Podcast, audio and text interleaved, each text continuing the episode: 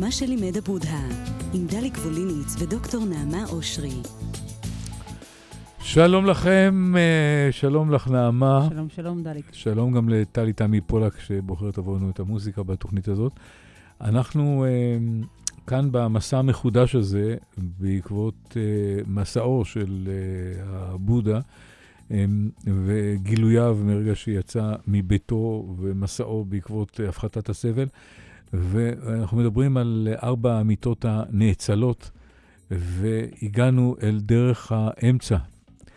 אמ, דרך האמצע אולי, אה, אולי נקרא מהמקור, מסוטרת אה, הנעת גלגל הדהמה, או שאת רוצה עוד להקדים ולומר משהו, נעמה? אני רוצה להזכיר שאנחנו עוסקים באמת הרביעית, היא האמת על הדרך. האמת הראשונה עוסקת במחלה, השנייה מקורותיה, השלישית באפשרות להיחלץ, והדרך היא האמת הרביעית.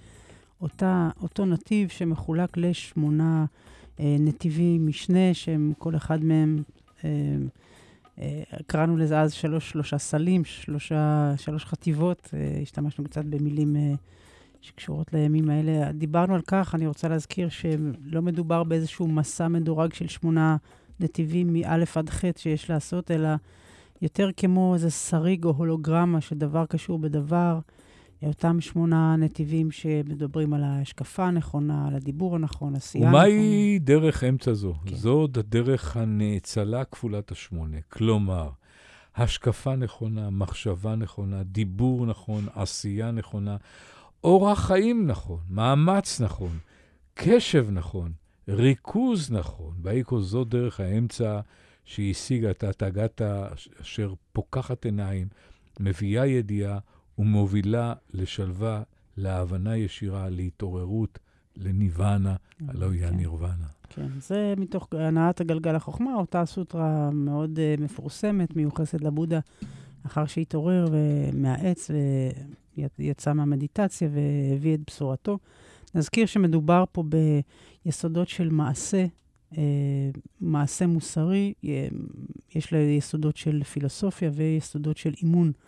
אה, פנימי. בפעם שעברה דיברנו על הדיבור הנכון, כי התחלנו לדבר על ההיבט המוסרי והתחלנו בדיבור הנכון, ואני רוצה להזכיר לנו קצת אה, במה עסקנו.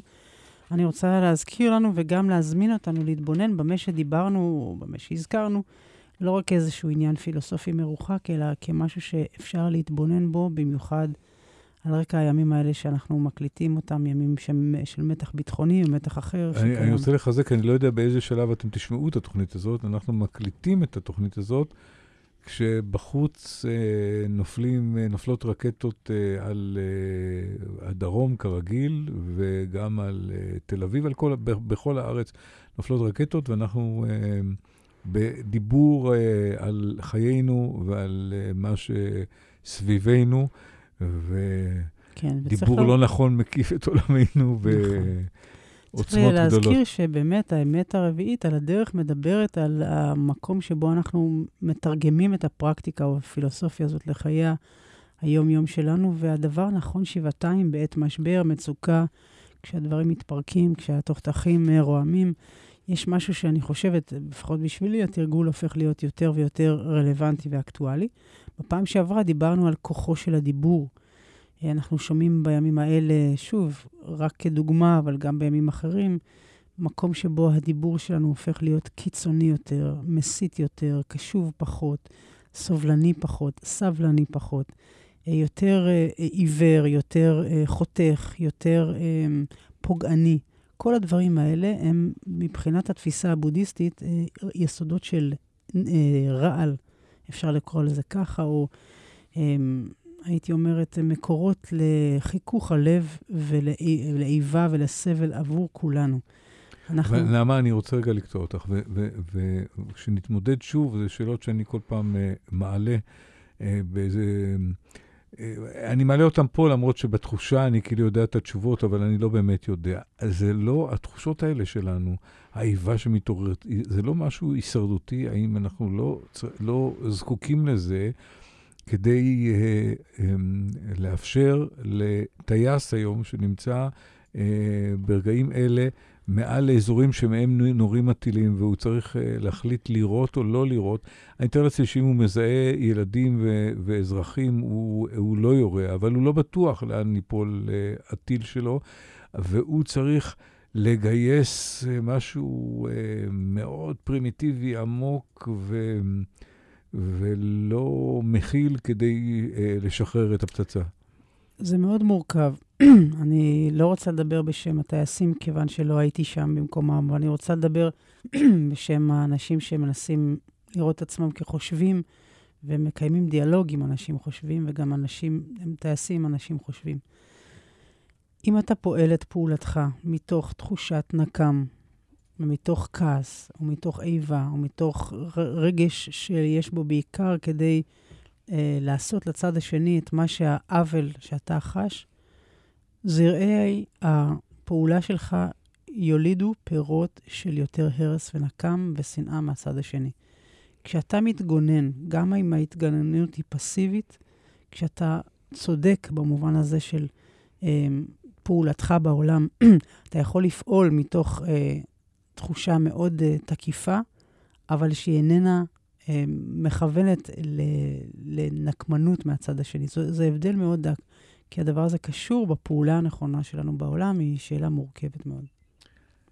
אמ, לא, השאלה הייתה, השאלה הייתה, האם אנחנו בתוך, אה, כשאנחנו נעים לנו בדרך האמצע, האי שדורשת מאיתנו אה, סדרה של אה, דרישות בסיסיות שקשורות בהתנהלות מוסרית, בעשייה נכונה, בדיבור נכון.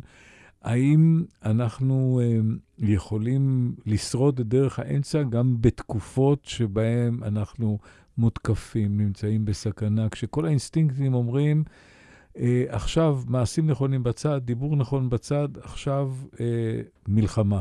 ואני שוב מזכיר למי שיצטרף אלינו עכשיו, שאנחנו מקליטים את התוכנית, לא חשוב מתי אתם שומעים אותה, בעיצומו של uh, צוק איתן, אותו, אותה, uh, uh, אותו מבצע שעוסק בניסיון לעצור את... אפילו המילה מבצע פה היא נוראית. אתה יודע, אני חושבת אחד ועוד אחד, אתה תכף תקבל עוד שנתיים עוד צוק איתן אחד, עוד איזה ענבי זעם. אתה זוכר את כל השמות היפים האלה? כבר יש לנו סופרמרקט מלא מבצעים. אפרופו דיבור נכון, אני אומרת... אפילו את אה, עמוד הענן ניסינו נכון, לגייס נכון, לצידנו. נכון, נכון, זה טוב. תראה, עשייה נכונה, שתכף נאמר עליה, אני, שוב, אני רוצה להזכיר שעוד לא סיימנו בעניין של הדיבור, אבל עשייה נכונה בימים אלה איננה רפיסות, איננה כניעה, אה, איננה לחי שנייה. יש אנשים שרואים בבודהיזם איזה צד פסיבי ו- וכולי. לא, אפשר להתנגד, חשוב להתנגד, צריך להתנגד. אה, אם אתה לא מתנגד ואתה אה, שם את, ה, את הגבול, אתה יכול להיות גם נתון בלא צדק אה, ו, ומאוים בחייך וכך הלאה. השאלה היא, מהו האופן או מהי המוטיבציה או מניין אנחנו פועלים.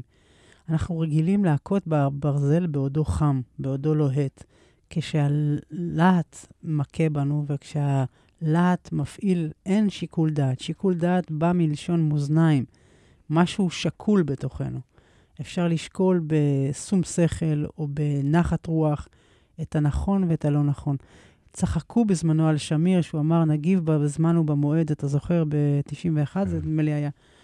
ואמרו, אתה לא, אתה לא עושה שום דבר, אבל האיפוק הזה נתן הרבה מאוד כוח. העורף בשעתו יכול היה לנשום עמוק, והזכות הזאת שניתנה לנו אז להתקיף, היא הייתה מצד אחד לגבי רבים אה, אולי מצחיקה, לגבי אחרים, הייתה בפירוש משהו כמו צבירת כוח, שבאה מתוך, אה, אני לא מוכן לפעול מתוך אותו להט ודחף יצרי, שאנחנו כל כך אה, מרבים לשבח אותו. כמו שאתה בתוך האהבה שלך, אני מקווה, לא פועל מתוך אותו דחף יצרי, אלא גם מכבד את הצד השני שאולי לא פנוי, ליצרים שלך, נכון? אני מניחה שזה ככה, אתה לא מתנפל, או אחרים לא מתנפלים.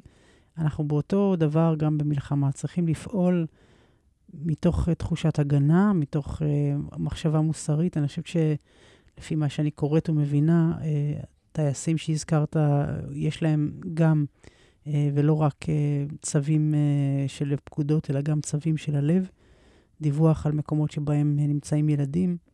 אני מקווה מאוד שזה ימשיך ככה להיות. אני מאוד גאה שיש לנו צבא שלוקח בחשבון את המקומות האלה.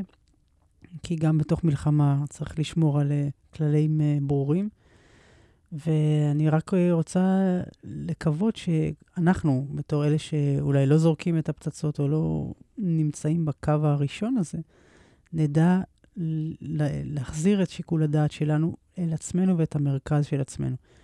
לא ניגרר לתוך הקיצוניות הזאת וההקצנה הזאת של השיח, ונראה איך האיבה מתעוררת בנו. זו תקופה באמת חשוכה, יש הרבה צללים מסביב. קל מאוד לעורר אותנו, אפרופו המקומות הפרימיטיביים שבנו, קל מאוד לעורר אותנו להיות חלק מריב ומדון. לקחת חלק בהתלהמות, בשנאה, בהקצנה, בליבון של היצרים. המקומות האלה קלים מאוד להפעלה של כל אחד מאיתנו. אני, ב, אני חושבת שבאמת התרגול מאותגר מאוד, אבל הוא חשוב שהוא יישאר כאן, ואולי המבחן הגדול הוא בשבילי איך לפעול נכון. אם אני חושבת על מהי פעולה נכונה, אני מסתכלת מעבר לתוצאה של הרגע הבא. אם אני עושה פעולה עכשיו, והיא באמת בשביל לספק לי איזשהו יצר מאוד רגעי, או שיש לה גם בעוד שבעה דורות או בעוד שבעה גלגולי חיים, האם היא תהיה הדבר הנכון שהיה צריך לעשות אותו בדיעבד. יש לנו את היכולת לחשוב שם, אבל צריך להתאפק ולנשום עמוק, ולא לוותר על השכל הישר. אנחנו כאן במה שלימד הבודה, רדיו מהות החיים, דוקטור נעמה אושרי, ואנחנו, אה, הייתה הבטחה שאני אספר סיפור ואחריו נמשיך לדבר על האמת הנאצלת הרביעית, על דרך, הדרך כפולת השמונה. על הדיבור הנכון. על הדיבור הנכון, על הפעולה הנכונה, על... הנה הסיפור. הסיפור הזה הוא, אני מדי פעם אנחנו מביא סיפורים של אה, דוקטור אה, רחל אה, נעמי רמן, שהיא רופאה, רופאה ש... עוסקת ב, בריפוי אה, סרטן, בעצמה הייתה חולה וכותבת נפלא. הנה הסיפור שלה. כך זה היה. כרופאת ילדים, הרביתי לנשק תינוקות בסתר. מעשה כזה נחשב כל כך בלתי מקצועי, שנזהרתי מאוד לא להתגלות. בשעה מאוחרת בלילה, במסווה של בדיקת החבישה אחרי ניתוח או העירוי הוורידי, הייתי עורכת לבדי סיבוב במחלקה ונושקת לילדים נשיקת לילה טוב. אם היה להם צעצוע אהוב או שמיכה מועדפת, הייתי דואגת שיהיו לידם. ואם מישהו בכה, הייתי אפילו שרה לו קצת. מעולם לא סיפרתי לאיש על המימד הזה של הטיפול בילדים. ידעתי ששאר הרופאים, גברים ברובם, עלולים לזלזל בערכי בגללו. ערב אחד, כששוחחתי עם אחד מהורי הילדים במסדרון, הצצתי מעבר לכתפו וראיתי את סטן, המתמחה הראשי שלי, מתכופף מעל מיטתה של ילדה קטנה חולת לוקמיה ונושק לה על מצחה. באותו רגע הבנתי שגם אחרים מנסים אולי לתת מעצמם יותר מן המקצוענות בלבד. כצפוי, כדי להביע את האכפתיות הטבעית שלהם. חשבתי שאולי אפשר לדבר על הדברים האלה, אפילו לתמוך זה בזה. לילה אחד שחיכיתי להיקרא לחדר הניתוח לניתוח קיסרי, סיפרתי לסטן מה ראיתי ואמרתי לו כמה הדבר היה חשוב לי. אף על פי שהיינו לבדנו בחדר הרופאים, הכחיש סטן את כל העניין. במבוכה הדדית עזבנו את הנושא. עד סוף אותה שנה עבדנו יחד 36 שעות ברציפות, שאחריהן 12 שעות מנוחה. נעשינו עמיתים נאמנים, ידידים טובים, אפילו שתינו יחד מפעם לפעם, אבל מעולם לא חזרנו להזכיר את אותו מקרה. יושרו של סטן היה תמיד ראוי להערצה, הוא מעולם לא זייף נתוני מעבדה. הוא לא אמר שקרה מאמר כשלא קרה. אבל כדי להודות בתגובה, להודות בתגובה החמה שלו כלפי אותה ילדה קטנה, היה עליו לוותר לחלוטין על הדימוי המקצועי שלנו, לבטא אכפתיות באופן ישיר, לא באמצעות נכונות לעבוד 36 שעות רצופות, או לבלות ערבים ארוכים בקריאת ספרות רפואית על טיפולים חדשים. זה היה מעבר לצופן המקצועי החזק שלו. התנהגות כזאת לא נחשבה מקצועית. אני הפסקתי אז לנשק תינוקות. לא נראה היה לי שכדאי להסתכן. בכמה מובנים ההכשרה הרפואית היא כמו מחלה. שנים רבות נדרשו לי כדי להתגבר לגמרי על המחלה שלי. אוי, זה קשה. זה מדהים. עצוב. זה מדהים, זה מדהים, זה מדהים, זה מדהים. אה, אה, כן. אי אפשר לספר, זה הרפואה הקונבנציונלית במרעה. ועם, שוב, עם הגילוי הנאות והפתוח והחם וה... ומהי פעולה מקצועית במרכאות כפולות ומכלות, ומהי פעולה נכונה, ומהי עשייה נכונה. אז בואו בוא נחבר קצת, אה, ניקח את הסיפור הזה, ש, שיש מעט מאוד מה לומר עליו, חוץ מזה שבאמת מאוד מאוד מצער, לפחות אותי. ונגיד עליו משהו אולי מנקודת מבט בודהיסטית, באיזשהו אופן שקושר בין דיבור ומעשה, ברשותך. כשאנחנו קוראים לפעולה שאנחנו עושים מקצועית, עצם השם הזה נוטל ממנה את הלב, באיזשהו מובן. כשאתה בתור רופא פועל מתוך חמלה ולב, אתה עלול להיות חשוד בעבודה שהיא איננה מקצועית, כלומר קרה ויבשה. יכול להיות שהמקום הזה, צריך לבדוק אותו בהיבט של המילים, אם אנחנו מדברים על דיבור נכון. איך אפשר לשמור על דיבור פתוח? אתה יודע שדיבור ומעשה כרוכים אחד בשני, כן? הגרון והגוף, הפה והיד, סוף מעשה במחשבה או בדיבור תחילה, יש קשר בין הדברים. אם אתה בא לעבודתך כרופא, ואתה אומר, מהם הפעולות המקצועיות שאתה עושה, שעליך לעשות היום, וברשימה הזאת נמצאים כל, נמצאות כל המטלות שאתה חייב לבצע אותן בתשומת לב, באמת במקצועיות, אה, מניתוח ועד בדיקה ועד קריאת מאמרים וכך הלאה.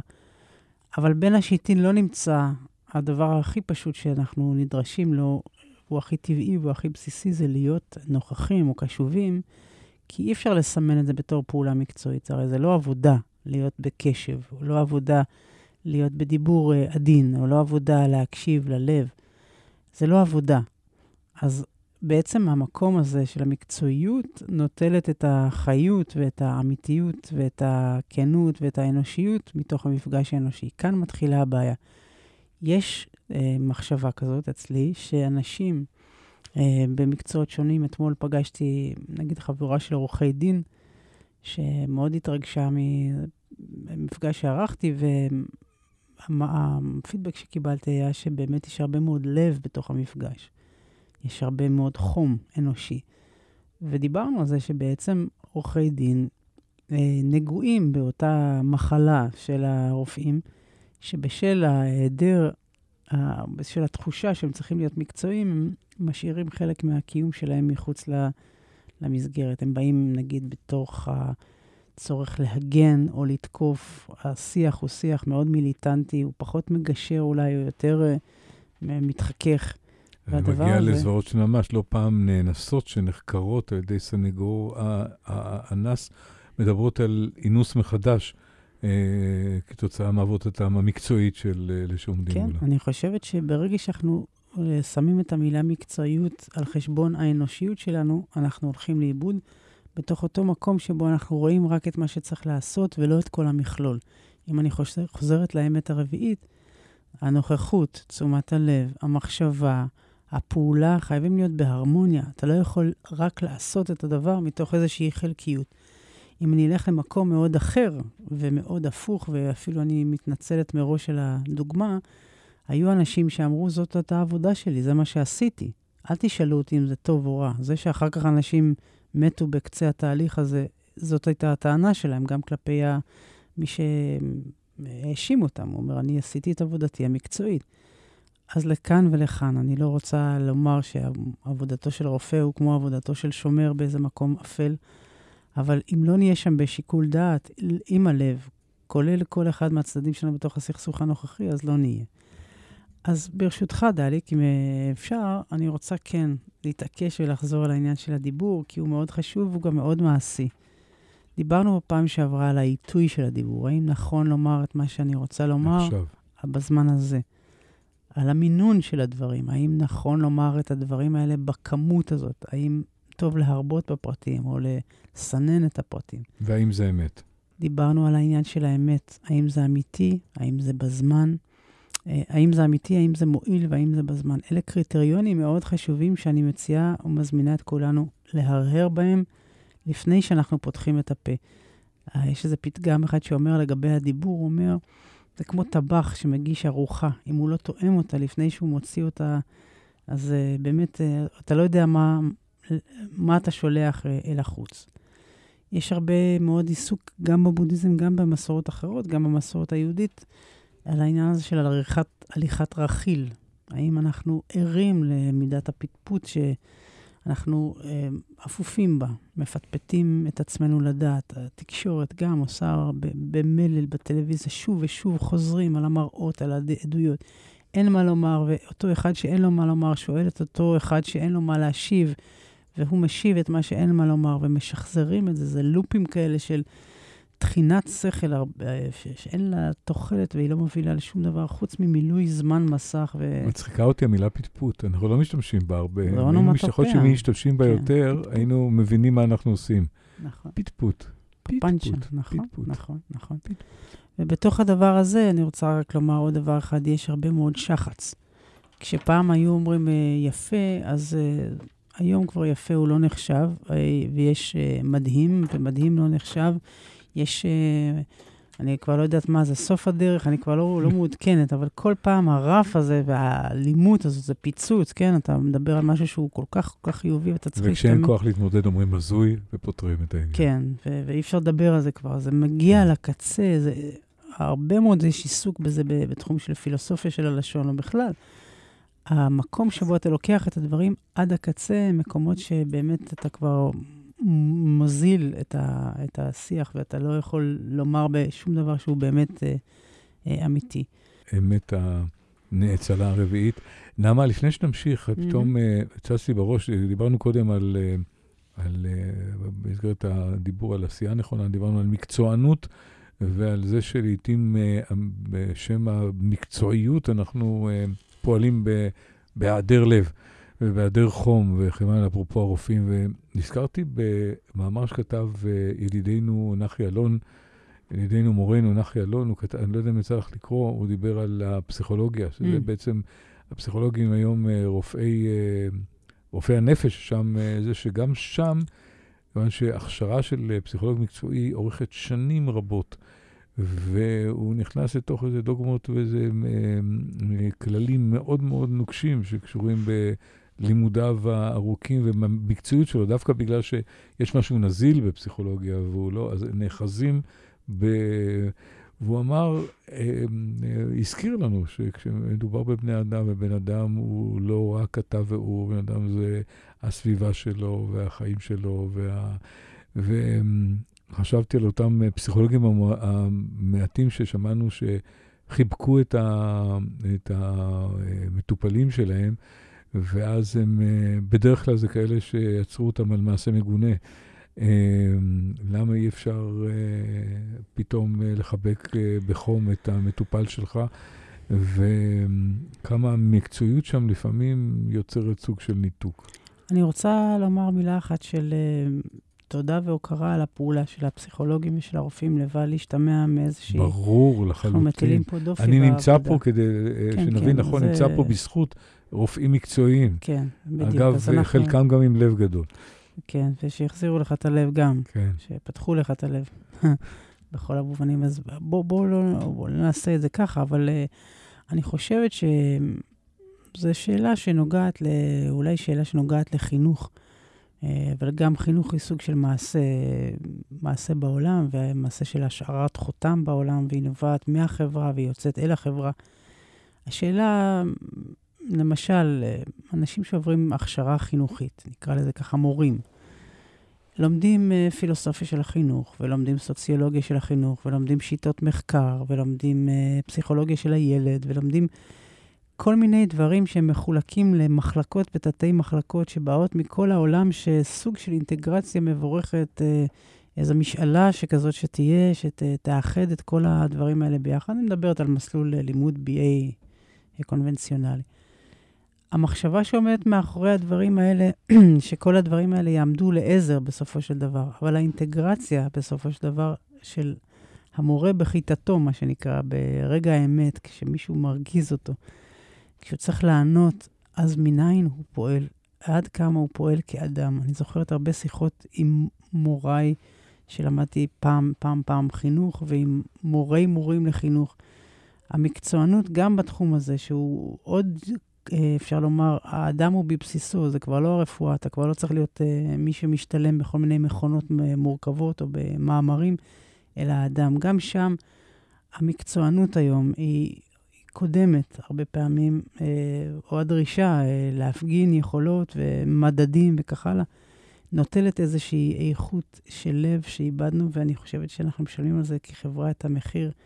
אנשים או ילדים יכולים להצטיין בכל מיני מקצועות ולהשיג הישגים מאוד גדולים, אבל גם לפעול באופן לא מוסרי ובאופן ש, שאיננו קשוב להישגים האינטלקטואליים. האינטלקט לבדו לא יכול להוביל את המהלך. דרך אגב, זה לא משהו חדש, זה בעצם אחת הביקורות הכי חמורות שהביאו לפריחה של מה שנקרא New Age, אחרי מלחמת העולם השנייה, אחרי שראו לאן אפשר להוליך כחברה את, ה, את, ה, את פני האנושות. זאת אומרת, אחרי כל החורבן הזה וההרס והאיבה, שבסופו של דבר נולדו מהרבה מאוד טכנולוגיה שהתפתחה, אבל עם בלמים מאוד מאוד רופפים בצד המוסרי. אז uh, יש לנו פה הרבה מה, מה לחשוב בעניין הזה. הגלגל הוא מאוד uh, מתנועע פעם לצד הזה, פעם לצד הזה, אבל היום, בתוך פיתוח הטילים שאנחנו מפתחים, uh, טוב יהיה גם ליטול כמה דקות או שעות או שיעורים שיעסקו בחמלה. אני רוצה לומר עוד משהו בבסיס, אני מתעקשת על לסיים את הקטגוריה הזאת, כיוון שהיא מאוד מאוד פרקטית. אני מוצאת שהאימון הזה בדיבור נכון הוא מאוד מאוד פרקטי. אני רוצה להוסיף עוד משהו, והוא קשור למה שאנחנו עושים עכשיו. כשאנחנו מדברים, אז מניין אנחנו מדברים? מה ההתכווננות שלנו בדיבור?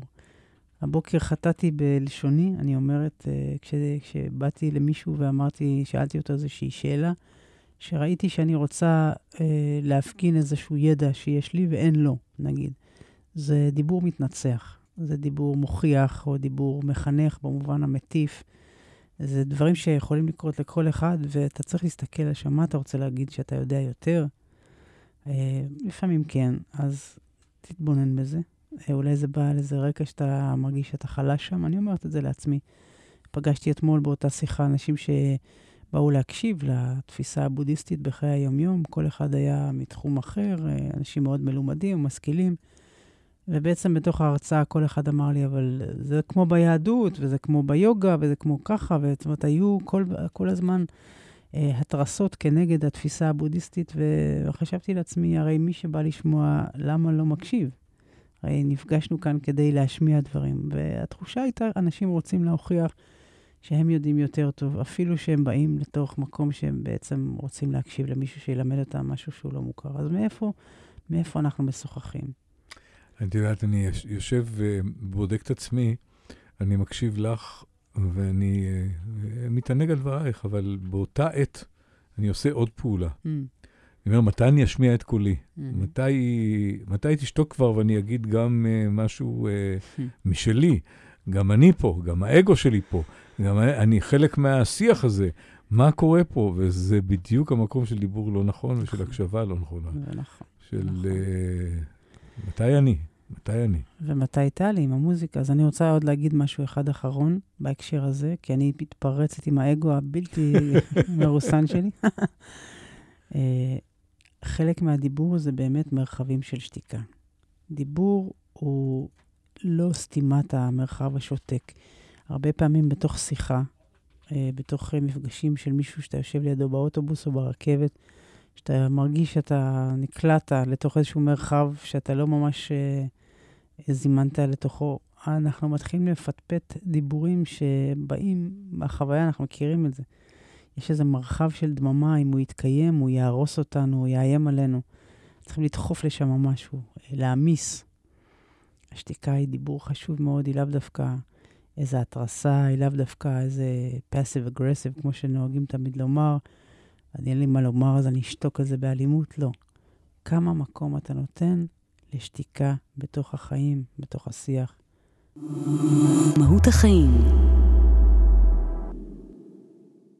הניחה בידי נעמה את uh, הספר הנפלא של uh, צ'ואנקצה, קולות האדמה. וביקשה ממני לקרוא את uh, מותו של תוהו ובוהו. היא אנחנו... כנראה תסביר אחר כך למה 아, אוקיי. וכיצד. אז אני אקרא, תקשיבו. אוקיי. הקיסר השולט על הים הדרומי, שמו שו, שזה קצר. הקיסר השולט על הים הצפוני, שמו הוא, שזה חפוז. הקיסר השולט על הממלכה התיכונה, שמו הונטון, תוהו ובוהו. פעם נקלעו שוב והוא, זוכרים? קצר וחפוז, לממלכתו של הונטון, תוהו ובוהו. הונטון אירח אותם בסבר פנים יפות. ישבו שוב והוא, וחשבו כיצד לגמול להונטון על טוב ליבו.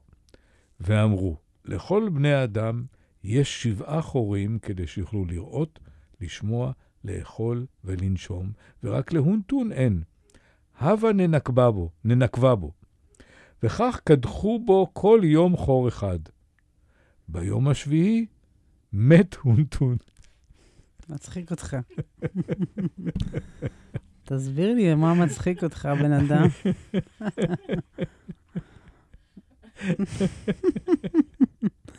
תסבירי את, מה מצחיק אותי. לא, לא, אתה תסביר את הצחוק. אני, לא, תשמעי,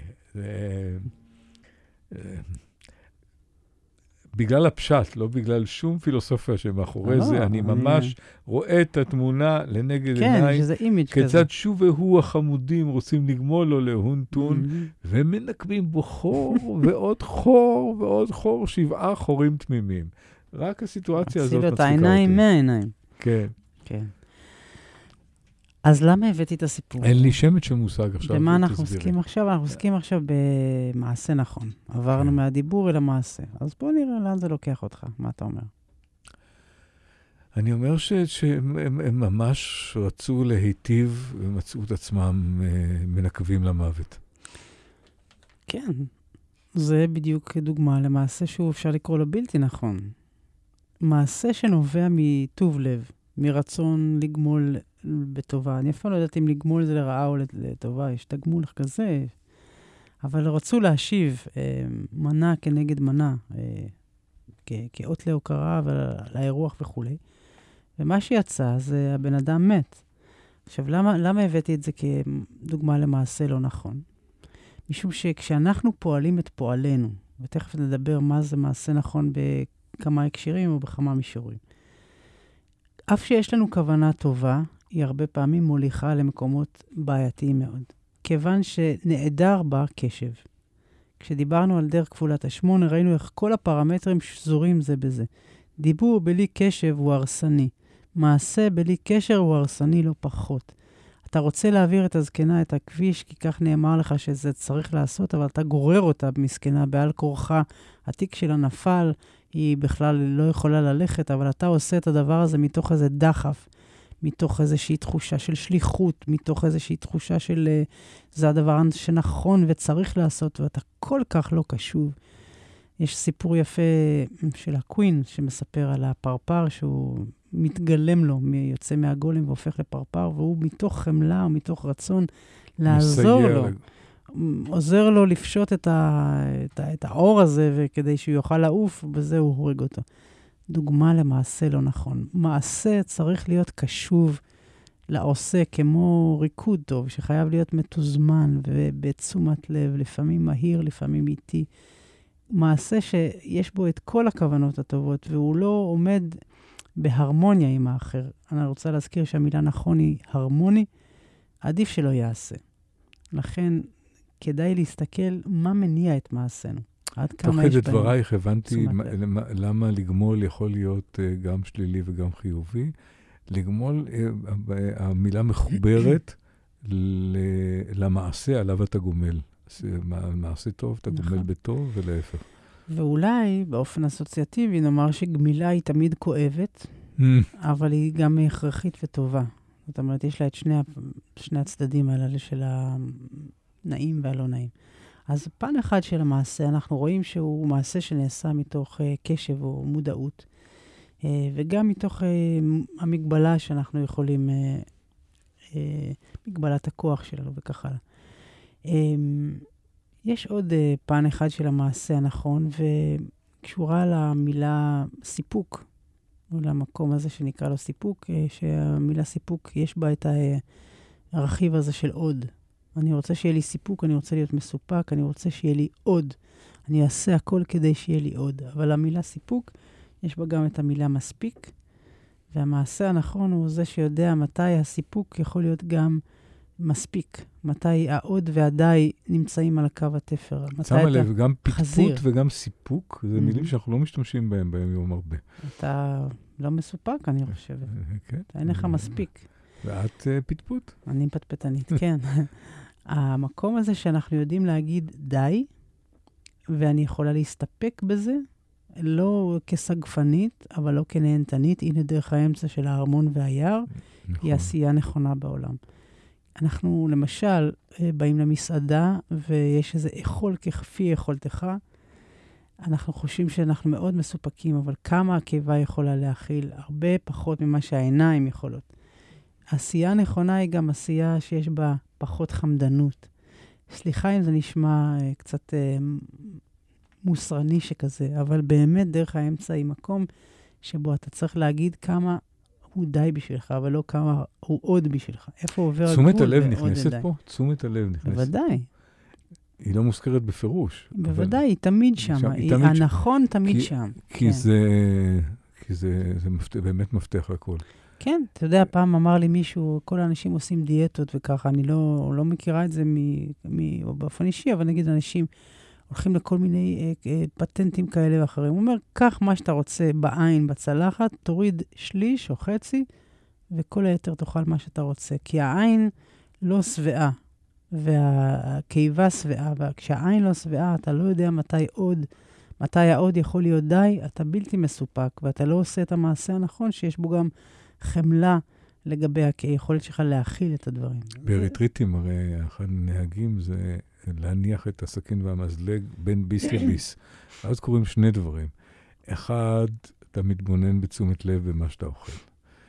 ושתיים, אתה פתאום מבין שיש איזה גם מנגנון של שובע שמתחיל לפעול, כי אתה אוכל הרבה יותר לאט. נכון. ואז אתה גם אוכל את הכמות הנכון. תשומת לב, להתבונן נכון. בצבעים שלפניך, באוכל, להודות על האוכל שלפניך. נכון. ל...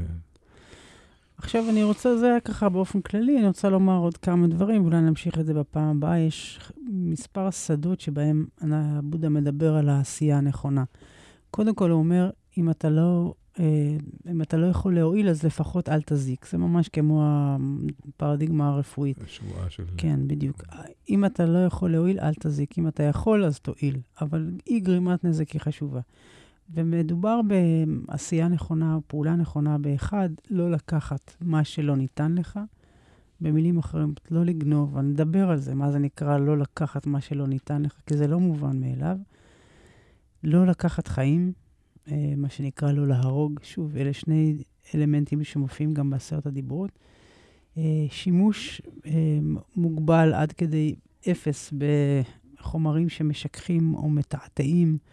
או מבלבלים את התודעה, אה, בעיקר בסמים, למשל, דברים כאלה. אנשים רוצים להגיע לאיזה שהם אה, הישגים רוחניים על ידי קיצורי דרך כימיים.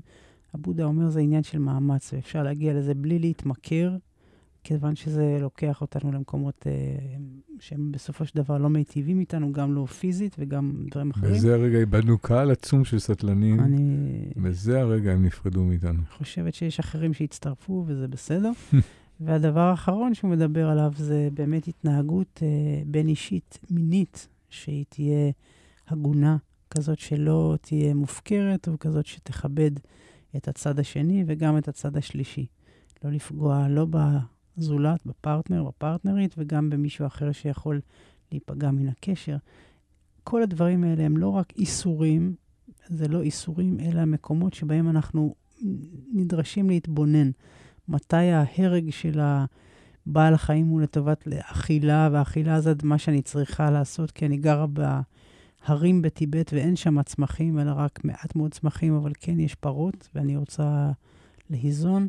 מתי ההרג הוא לשם הרג, ואז כדאי להימנע וכך הלאה. אז אנחנו נתחיל בזה בפעם הבאה, נראה את כל אחד מחמשת השדות הללו, שהם השדות שבהם אנחנו רוצים לעשות נכון בעולם. אז תודה רבה בינתיים. עד כאן, האמת הרביעית